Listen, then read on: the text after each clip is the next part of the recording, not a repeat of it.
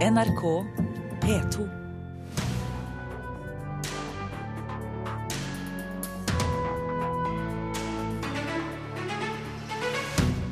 Korrupsjonstiltalen mot Eirik Jensen påvirker ikke den planlagte TV-serien om politimannen. Produsenten vil fortsatt lage historien om det han mener er en uskyldig mann.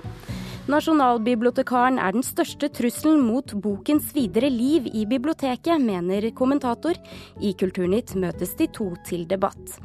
Verdens største artister hjelper amerikanske presidentkandidater til å nå ut til unge velgere. Dette er Kulturnytt, og mitt navn er Stine Tråholt.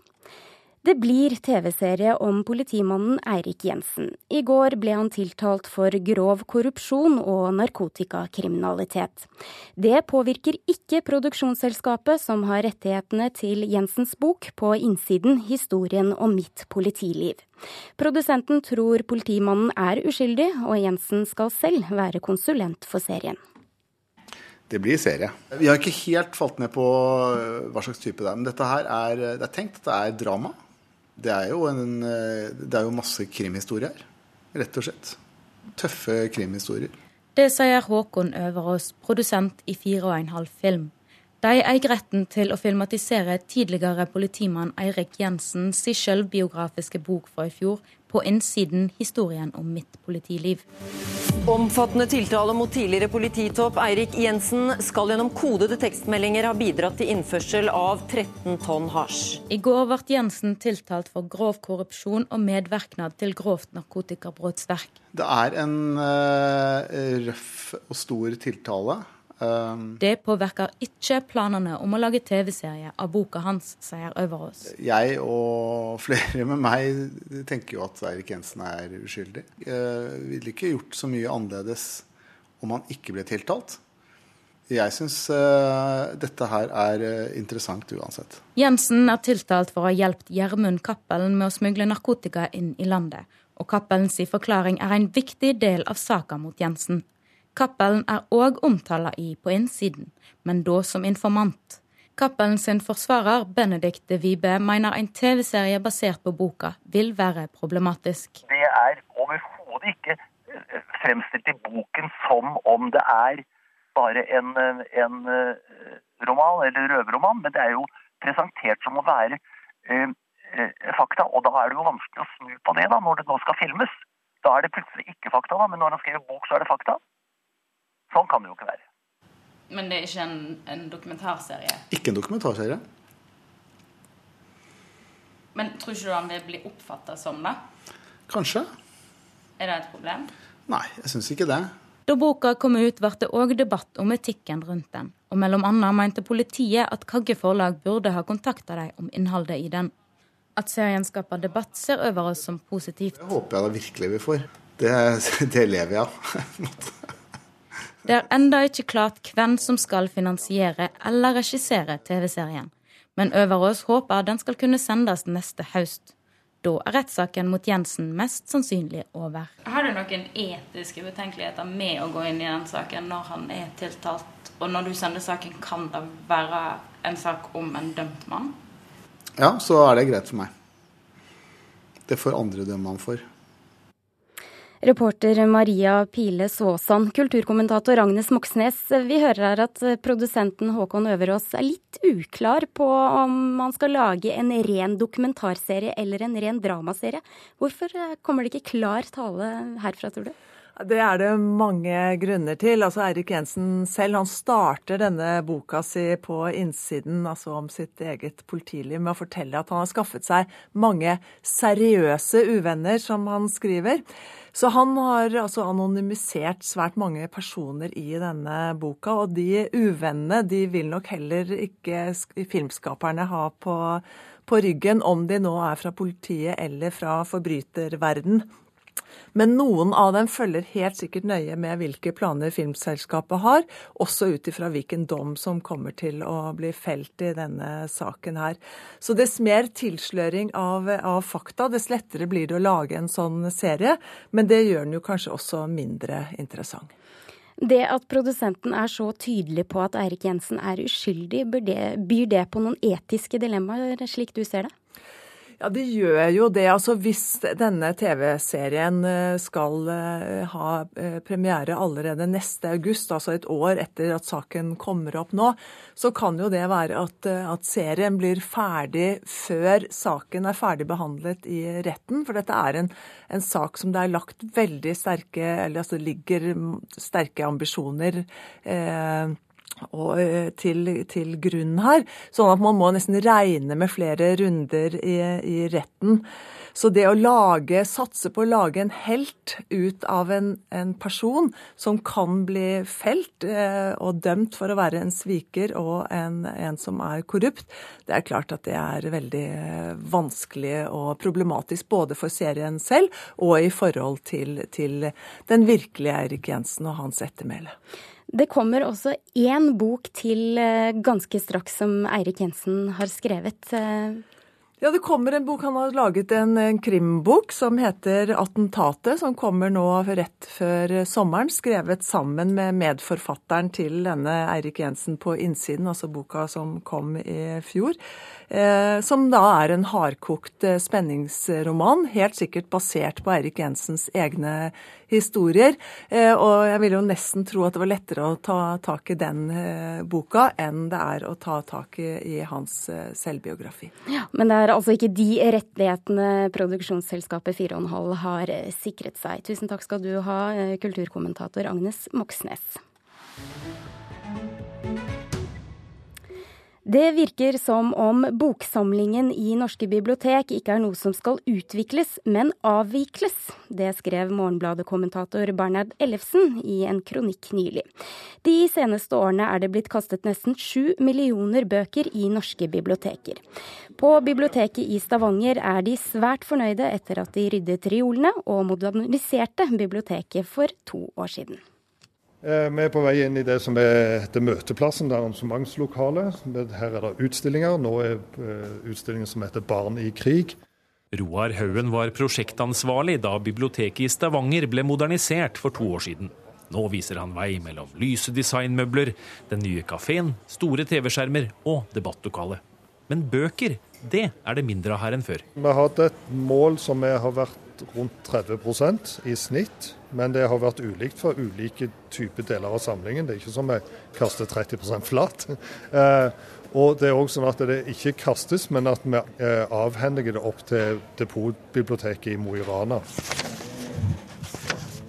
Stavanger er ikke alene om å rydde i reolene sine. Nylig skrev Aftenposten at over 200 000 bøker ikke får være med når Deichmanske bibliotek i Oslo flytter til Bjørvika om noen år. På landsbasis er tallene fra i fjor ennå ikke klare, men Nasjonalbiblioteket beregner at det ble kassert oppunder sju millioner bøker fra 2010 til 2014. Det som ikke får være med videre, er gjerne det som har gått ut på dato, forteller Haugen. Rett og slett altså Introduksjonsbøker til en del data eller teknologi eller ting som ble forelda og derfor har liten etterspørsel. Det er ting som har dubletter eller det er utslitt. Og vi tar selvfølgelig Omvendt så tar vi jo veldig vare på det som er veldig aktuelt for våre brukere og de som jobber i biblioteket. Utviklingen kan ses i lys av moderniseringen som Biblioteks-Norge nå går gjennom. Tidligere utlånsmastodonter der strenge ansatte bryskt hysjet Hysj! Dem som hevet stemmen! skal nå bli møteplasser og debattarenaer. Og det er en god utvikling, mener de besøkende i Stavanger. Ja, det er jeg veldig. Så jeg har vært veldig, på veldig mange foredrag og debatt servert her. Jeg syns det er veldig bra. Du, jeg liker variasjonen i Altså et utmerket tilbud. Jeg syns det er fantastisk. For det er jo et sted så masse folk kan komme og kose seg og lese aviser. Haugen mener bibliotekene ikke trenger å velge mellom å enten være en boksamling eller en møteplass, men at det er samspillet mellom de to som er viktig. For det vi forvalter mest av alt, er jo faktisk et innhold. Det er jo det som er inne i bøkene, uansett type, eller inni det som blir formidla via mediene, som er det interessante og det viktigste for brukerne våre. Gjermund Jappé hadde laget dette innslaget. Bernhard Ellefsen, kommentator i Morgenbladet og med oss fra studio i Fredrikstad. I artikkelen du skrev nylig i Morgenbladet, så er du kritisk bl.a. til oppryddingen vi nå ser i norske bibliotek eh, om dagen. Hvorfor det? Ja, nei, Som vi hører i innslaget her, så, så, er det selvfølgelig mange innføringsbøker i hullkort som forsvinner. Eh, men vi hører også at syv millioner bøker er borte. Og mitt poeng er vel så enkelt som at skal man kaste syv millioner bøker, så er det mer enn innføring i EDB og reiseguide til Sovjetunionen som forsvinner, da. Men kan ikke også biblioteket være en viktig møteplass, eh, slik det ble henvist til eh, på biblioteket i Stavanger? Jo, helt opplagt, og det har det jo alltid vært. Og det kommer det til å fortsette å være. Men vi snakker jo om en eh, lovendring, altså et nytt innslag i formålsparagrafen til folkebibliotekene om at de skal være, altså de skal være på en måte litteraturhus. da. Og Det er jo en ambisjon man kan tenke seg at fungerer godt, f.eks. i Stavanger. Men det er en lov som gjelder for 428 folkebiblioteker. Og om opplevelsen er den samme liksom i Rømskog eller Rygge, er jeg altså sterkt i tvil om det. Aslak Sira Myhre, nasjonalbibliotekar. Kaster dere for mye bøker? For mange? Vi på Nasjonalbiblioteket kaster jo ikke bøker, vi tar imot disse bøkene. Og det viktigste man forstår her, at det som nå skjer i Norge, det er to ting. Det ene det er at bibliotekene omstille virksomheten sin til i tillegg til å ha bøker, til å drive med arrangementer, møteplasser osv. Det er ikke noe nytt. Dette har foregått over veldig lang tid. På barne- og ungdomssida har han holdt på med dette i 20-30 år, på voksensida i 10 år. Grunnen til at en gjør dette, er fordi at det er et virkemiddel for å formidle innhold, akkurat som de snakker om i Stavanger. Det er en måte å formidle bøkene på. Det er en måte å lokke folk inn i biblioteket. Det skaper en møteplass, og du formidler bøkene videre. Dette er en ønska prosess fra bibliotekenes side, fra folks side, og det ligger altså i en lov. Det andre som skjer, det er at takket være jeg, eh, teknologien så kan vi nå ikke erstatte papirbøker med e-bøker, for det ser vi nesten ingenting til i det hele tatt. Det vi kan gjøre, er at vi istedenfor har én katalog i hver av landets 428 kommuner, og drive fjernlån på fylkesvis, eller fjernlån av bøker fra hvert enkelt av de store bibliotekene, så tar nå bibliotekene de bøkene som ikke, ikke de som er i hyllene, ikke de du har gått og sett på. De som har ligget aller nederst i magasinene, i kjellerne under, som bare bibliotekarene har sett, og som har vært brukt til fjernlånssystemet. Lånt ut mellom biblioteker. De bøkene går nå ut av magasinene, opp til Mo i Rana. I Mo i Rana har vi et automatbibliotek som sender ut disse fjernlånsbøkene til hele landet. Istedenfor å ha 200 eller 70 eksemplarer av ei bok som lånes ut fire ganger i løpet av fem år. Så har vi fire eksemplarer i Rana, og det holder lenge. Dette er det som skjer. Det som da skjer i biblioteket når du gjør det, det er at du frigjør plass. I Stavanger så har de arrangementer i de gamle magasinene. I Bergen så kan Bernhard Ellefsen og andre som er glad i bøker, nå gå i de hyllene som før var lukka, som de ikke fikk se. Der kan de gå og kikke i bøker og hente ut bøker. Man eksponerer flere bøker, man får mer plass og man får bedre økonomi. Det er det som skjer i biblioteket i Norge i dag. Det er blitt bedre, sier nasjonalbibliotekaren her, Ellefsen. Ja, og det, det gjøres selvfølgelig godt arbeid, selv om fjernlånssystemet er viktig. da. Men eh, Sira Myhre har gjentatte ganger sagt at vi ikke kommer til å merke forskjell. At når vi kaster disse bøkene, så er det uansett bøker som ingen har sett noe til. Og til det vil jeg vel si at hvis ingen har sett noe til disse bøkene, og hvis ingen merker forskjell, så er det rett og slett bibliotekene som har eh, feilet, da. I, I formålsparagrafen så står det også at biblioteket skal drive aktiv formidling. Det betyr ikke at uh, staten skal betale mennesker for å stå i en skranke og svare ja eller nei på har du denne boka. Det betyr at man skal ta frem bøker, formidle dem aktivt. Og Vi snakker ikke om så obskure bøker som blir kastet her. Vi snakker om, om tidligere bøker fra norske samtidsforfattere. Det vil alle som går og spør etter noe annet enn bestselgeren på biblioteket, oppleve. Og så er det viktig også å se på uh, hva som har skjedd de siste 20 årene med litteraturformidling i bibliotek. Det, er, det, finnes gode tall på at for 20 år siden så lånte bibliotekene ut andre bøker enn det bokhandlene pusher ut i pallevis. Eh, sånn er det ikke lenger. Topp 40-lista i bibliotek er nå lik den i bokhandelen. Og det er eh, en svakhet for en offentlig formidlingsinstans. For det første, altså Ellefsen kan veldig lite om det han snakker om, rett og slett. I, bare i vår altså denne våren som er i nå, så har norske fylkesbibliotek 40 kurs for bibliotekarer i å formidle kulturfondsbøker, poesi, debutanter og den smale litteraturen. Grunnen til at folk ikke går og låner de, er ikke at bibliotekene ikke vil eller ikke gjør en innsats. Det er noe som skjer i samfunnet rundt oss, som gjør at bestselgerne tar mer og mer plass. Avisene kutter ut kritikken av andre bøker. Bestselgerne tar mer plass i bokhandlene. Det påvirker også bibliotekene. Men Ellefsen tror at det er fordi at bibliotekene vil ha det sånn, og gjør det bibliotekene til skyldnerne for dette. Det er det første. Det andre det er at han snakker som om det var et uendelig boklager som bare vokste og vokste, og så driver vi og hiver ting for mye vil ha det her. Den norske staten kjøper hvert år 800 000 bøker til norske biblioteker gjennom Kulturfond. Og Nesten en million bøker sendes ut hvert år fra staten, i tillegg til de bibliotekene kjøper sjøl. Det er klart at da må du hive noen andre. Det er ikke et uendelig lager her. Og det er det som foregår i all hovedsak. Dette er samlingspleie. Og så skriver Bernhard Ellefsen i Morgenbladet, som da var i, i jinglen i inngangen her, at den største trusselen mot bøkene i norske bibliotek, det er Aslak Sira Myhre og Nasjonalbibliotekarer. Ja, det, det må du forklare, Ellefsen. Hva mener du med det?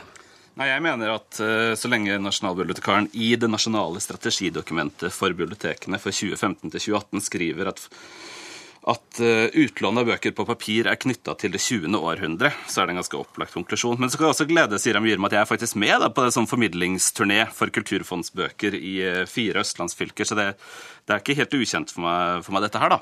Uh, men, Vi må snart runde av denne debatten. Du skal Ellefsen, få svare Hvis du leste det dokumentet som står der, så står det òg i det samme dokumentet i innledningen at jeg skriver at papirbøkene de er med biblioteket i all overskuelig framtid. Og poenget her er at for ti år siden Ellefsen, så trodde folk at papirboka var slutt. I dag reiser jeg rundt i Norge og internasjonalt sammen med norske bibliotekarer og Nasjonalbiblioteket og sier at kjerna, stolpen i det norske biblioteksvesenet, det har et hus med bøker i. Akkurat det samme som du argumenterer for. Men du setter deg ikke inn i det. Akkurat som du ikke setter deg inn i livet til bibliotekarene, som jobber som bare det for å skape en formidlingsarena hvor de kan få inn folk, få fram poesien, få fram litteraturen, få fram kunnskapen. Okay. Da er det dumt å kaste arbeidsverktøyene deres. Vi hiver jo, Ellefsen, det er 17 millioner bøker i norske biblioteker. Det er 17 millioner bøker der ute. Vi hiver ikke bøkene. Bibliotekarer elsker bøker. Vi jobber for å kuratere samlingene, for å gi deg de bøkene du vil ha, og for å ta vekk de bøkene som ingen i dag bruker, for å kunne gi, bruke mer plass på de bøkene som man vil og skal formidle, Ellefsen. Ok, det er i hvert fall sikkert at uh, Nasjonalbiblioteket uh, ikke har gitt uh, opp kampen om å bevare papirboka. Takk for at dere kom til Kulturnytt. Islamistgruppen Profetens Umma er kraftig svekket, mener eksperter. I dag kommer Politiets sikkerhetstjeneste, PST, med en ny trusselvurdering. Og mange nordmenn smittes av kjønnssykdommer i dag eh, enn for ti år siden. Det viser nye tall fra Folkehelseinstituttet. Syflis øker mest, og det var nyhetsoverskriftene denne morgenen. De største artistene i USA har valgt side foran nattens uhyre viktige nominasjonsvalg i New Hampshire. Mens Hillary Clinton får støtte av de aller største, som Beyoncé og Elton John, er Donald Trump en hemmelig, om han får lov til å bruke musikk i det hele tatt. Outsideren Bernie Sanders har sikret seg noen av de aller største. Thank you. Thank you so much. As you know, we just from Iowa, where we astounded the world. Bernie Sanders får en ivrige tilhengere i Iowa forrige tirsdag. Han vil bli president i USA og har kommet som en komet på de siste målingene. Hvorfor? Blant annet pga. dette.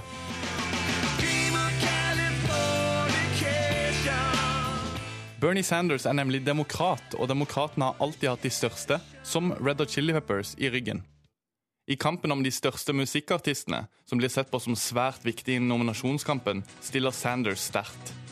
74-åringen har klart å appellere til de kule artistene, som f.eks. Vampire Weekend, som spilte sin første konsert på to år under Sanders Iowa-møte.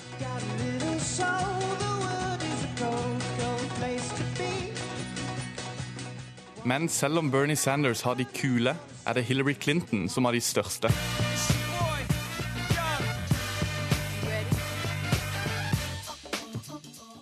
Hvis valget i USA hadde blitt avgjort av hvilken kandidat som hadde størst artister, kunne de andre kandidatene pakket sakene sine allerede nå.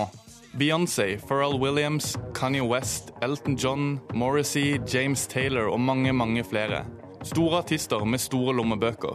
Det er ingen tvil om at Clinton er best i klassen, i hvert fall på Spotify. I den republikanske leiren, derimot Over here, USA, over there.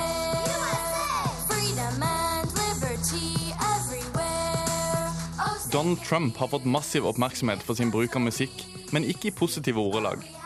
Både Adele, Aerosmith og REM har nektet Trump å bruke musikken sin. Hans kanskje sterkeste motstander på republikansk side, Marco Rubio, sitter i samme båt. For selv om dette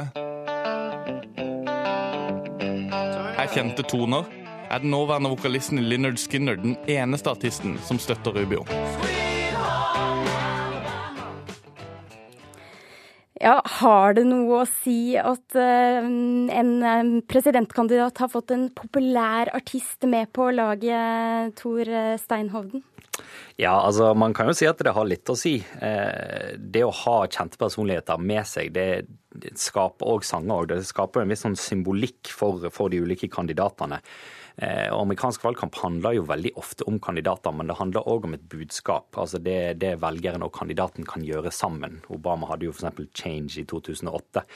Eh, og det å da ha artister som formidler det budskapet, det er noe som hjelper de eh, ganske mye, da. Du jobber nå som rådgiver i Tankesmia Agenda, men har bodd mange år i USA. Forklar litt om hvordan musikken brukes under sånne nominasjonsvalg som vi nå står midt inne i. Det å være på et valgkamparrangement i USA, det er litt som å være på en rockekonsert ofte. Eh, og Se for deg 10 000 eh, skrikende fans i, et rom, og så, så kjører de opp eh, f.eks. U2 sin 'Beautiful Day', og så kommer Obama inn på scenen, og alle skriker. og det, det er en sånn stemningssetter, da, og gjør virkelig at du, du blir veldig gira på det som skjer foran deg. Men hvorfor har demokratene klart å trekke til seg de største artistene? Og det gjelder ikke bare nå, det er også når vi ser eh, bakover i tid. Hvorfor er det slik? Altså Historisk sett så er jo det demokratene som har klart flest, flest fans fra, fra, Hollywood og New York, der jo mye av musikkbransjen er.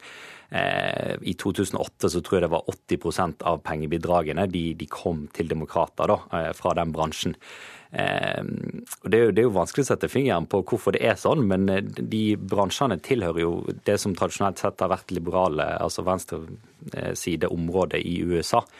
Eh, og Det ene unntaket er jo da kanskje countrymusikk, eh, som er republikansk territorium. Det er virkelig det de eier.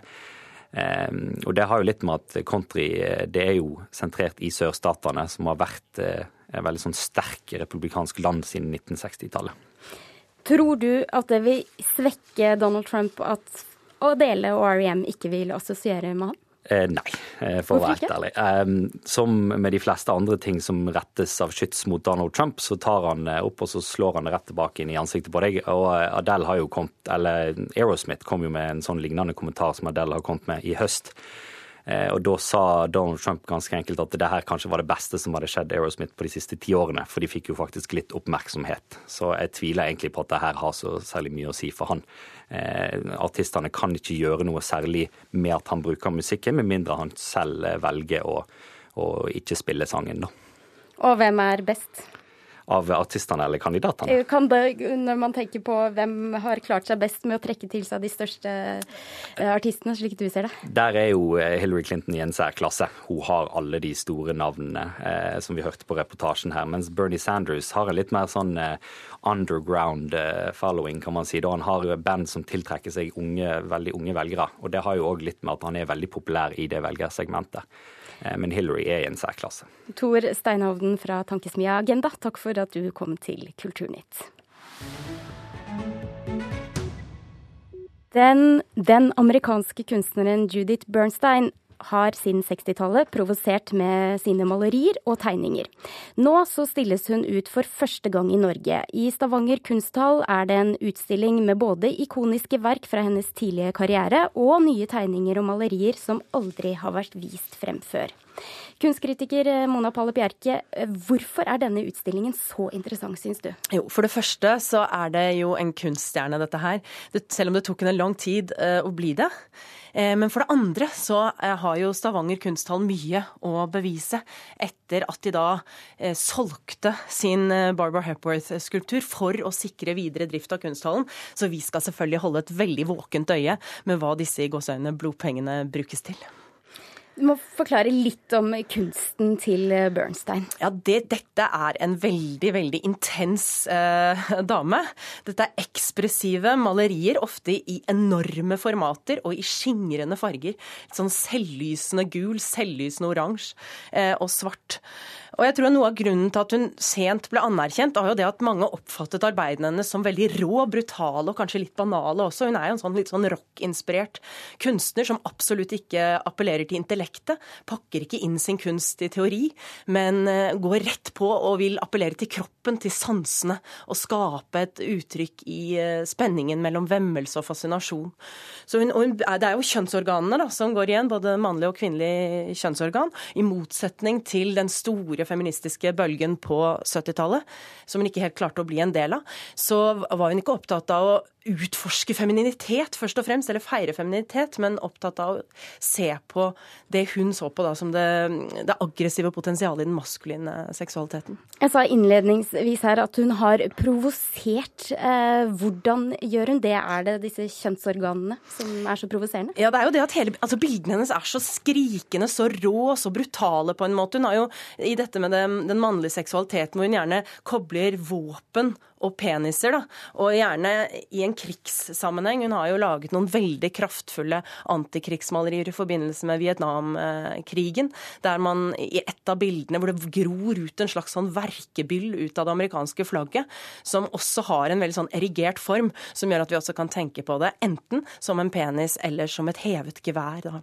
Og uh, på Stavanger kunsthall så vises det også frem helt nye uh, malerier. Uh, hva syns du om de? Ja, de, de, er kjempeflotte. Jeg hadde nok håpet på noen krasse samtidskommentarer, kanskje til mer eh, kriger av nyere dato. Men de er veldig flotte. Blant annet så her har hun jo dette veldig at hun krever en plass for kvinnen som en aktiv eh, skikkelse. Hun har da det, et frådende spytt på en måte skrikende, begjærstrevet kvinnelig kjønnsorgan som går til angrep på et slapt mannlig lem. Så dette er en veldig sånn typisk uh, Bernstein. Er det verdt et besøk til denne Helt utstillingen? Helt definitivt. Dette, og dette er jo første gang hun vises i Norge, så dette må man få med seg. Takk skal du ha, kunstkritiker i NRK, Mona Pale Bjerke. Korrupsjonstiltalen mot Eirik Jensen påvirker ikke den planlagte TV-serien om politimannen. Det sier produsenten, som fortsatt vil lage en historie om en det han mener er en uskyldig mann.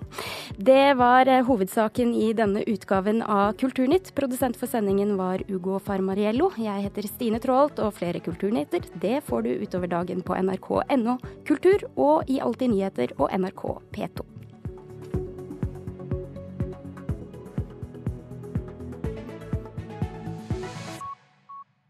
Hør flere podkaster på nrk.no podkast.